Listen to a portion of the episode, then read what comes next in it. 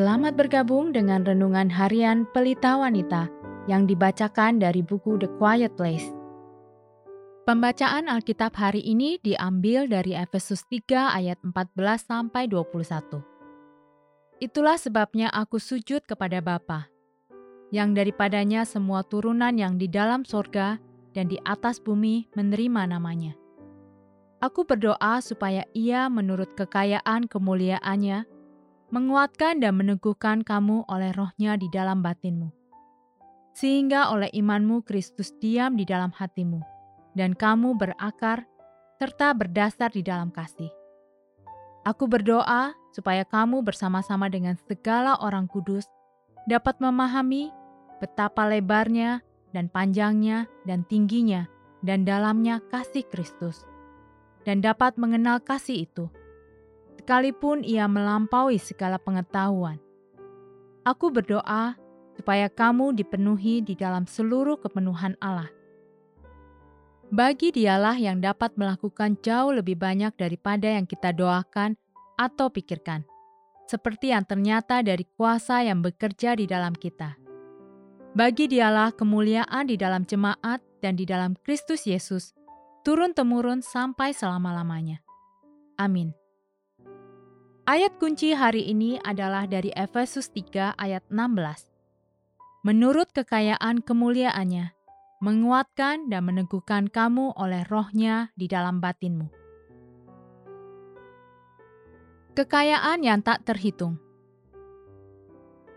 Jauh di dalam bumi ada kekayaan yang sangat besar, masih menunggu untuk dieksplorasi. Beberapa ahli memperkirakan bahwa harta karun senilai 6 miliar dolar yang belum ditemukan tersebar di kedalaman lautan dunia yang gelap.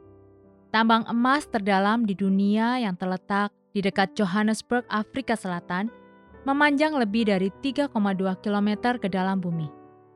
Telah menghasilkan lebih dari 3.000 ton emas murni sejak pertama kali mulai beroperasi. Tambang Delfontaine mempekerjakan hampir 17.000 orang yang bekerja dengan waktu bergantian. Setiap hari 24 jam, mengumpulkan emas dari bumi. Dan ternyata masih ada satu lagi. Satu tambang ini diharapkan menghasilkan setidaknya lebih dari 28.000 kg setahun, selama 20 tahun ke depan. Namun kekayaan Allah jauh lebih dalam lagi. Alkitab berbicara tentang kekayaan kemurahannya kesabarannya, dan kelapangan hatinya. Roma 2 ayat 4. Kekayaan kemuliaannya. Roma 9 ayat 23. Dan kekayaan kasih karunia-Nya yang dilimpahkannya kepada kita dalam segala hikmat dan pengertian. Efesus 1 ayat 7 sampai 8. Namun tidak seperti kekayaan di dasar laut yang semuanya bisa dikumpulkan. Jika seseorang tahu bagaimana mencapainya, tidak seperti kekayaan tambang emas, yang akhirnya diekstrasi sampai tidak ada lagi yang bisa didapat. Emas di dalam tambang Allah tidak akan pernah dapat dikosongkan. Tidak terbatas, tidak ada habis-habisnya.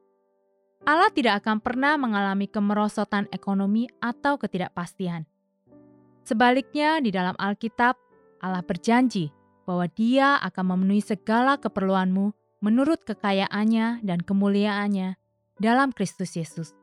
Filipi 4 ayat 19.